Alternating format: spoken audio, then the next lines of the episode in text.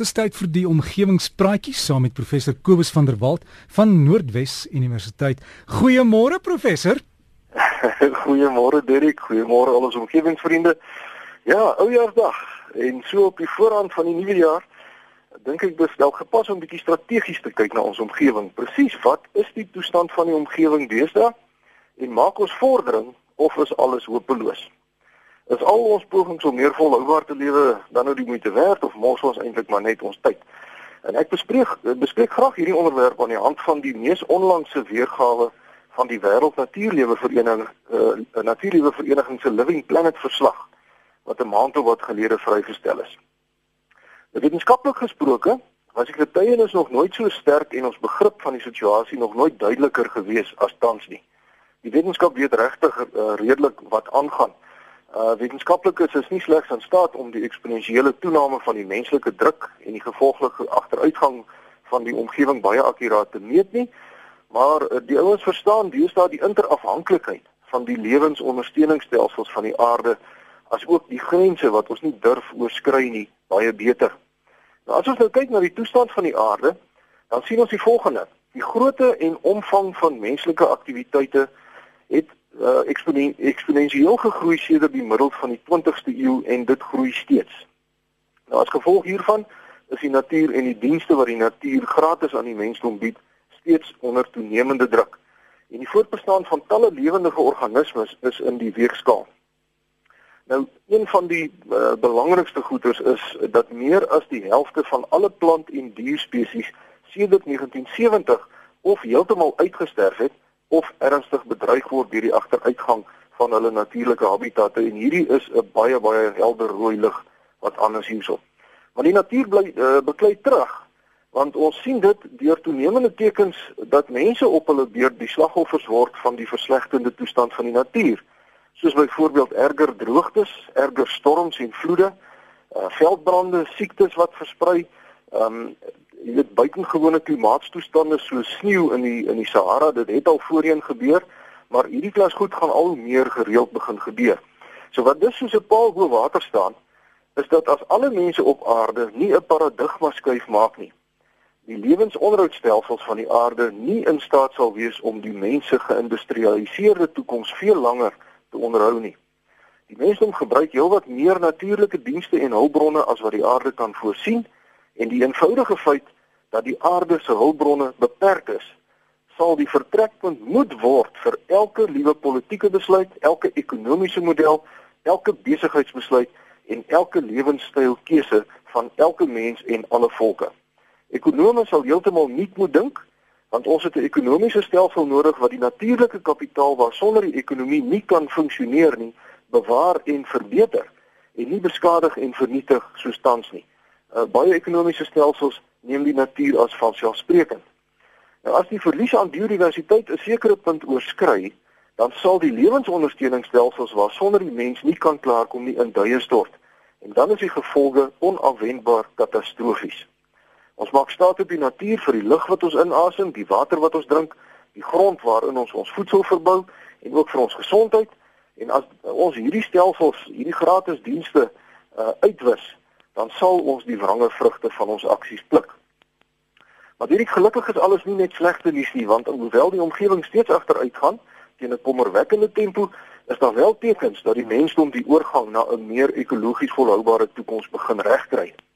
Die feit uh in in 2016 wat is is was nou die warmste jaar ooit op rekord, maar dit lyk tog of die globale ehm um, CO2 vrystellings gestabiliseer het En sommige wetenskaplikes is van mening dat dit reeds begin daal het na mate al hoe meer mense en volkere aanpassings maak om hulle CO2 vrystellings te beperk. En dit is so, al hierdie energiebesparende gloeilampies en die songeisers en die goeters, die windlaaiers en die sonplase, dit het tog 'n invloed. En verder lyk dit of die bevolkingsontploffing ook grootliks onder beheer kom.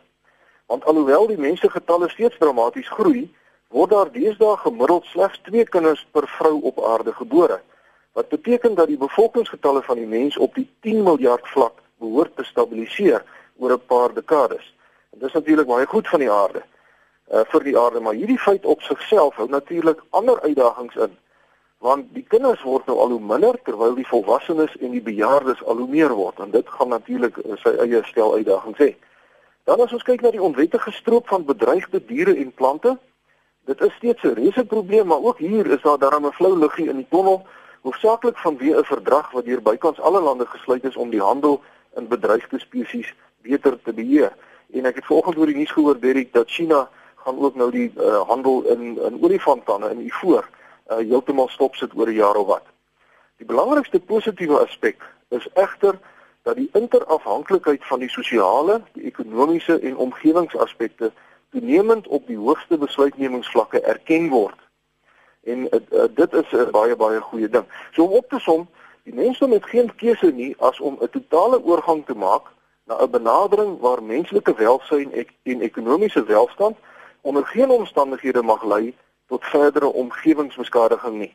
En dit verg van elke mens 'n aanpassing in jou diepste wese. Met ander woorde, as jou geloof of jou kultuur of die manier hoe jy jou geld spandeer skadelik is vir die omgewing, dan sal jy eenvoudig dit moet verander. En hierdie denkverskywing is sekerlik die mees ingrypende uitdaging wat die menslike beskawing nog voor te staan gekom het. En soos met e-, eh, enige uitdaging is daar egter ook hier 'n fantastiese geleentheid om 'n toekoms in harmonie met ons planeet en ook met mekaar te bou. Maar ons sal dit slegs kan regkry as die meerderheid van die aarde se bevolking die uitdagings verstaan en kognitiewe sowel as tegnologiese oplossings vir die probleme aangryp en toepas. En dit bring my by my nuwejaarsboodskap aan elke omgewingsvriend.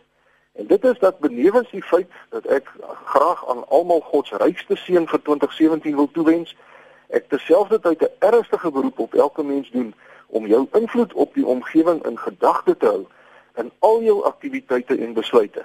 Soos byvoorbeeld om elektrisiteit of water te bespaar, die brandstofverbruik van die motor wat jy gaan koop, die besluit of jy met 'n fiets of met jou motor gaan ry, die besluit watter tipe klere jy gaan dra, watter soorte kos jy eet en waar jy dit koop en so kan ek aangaan. Ek hoor vanoggend deur jy vertel van jou bure wat nou jou wrintie waar hulle plaveisel gaan na afspuit dit met water en dit terwyl die Vaaldam maar net 45% vol is.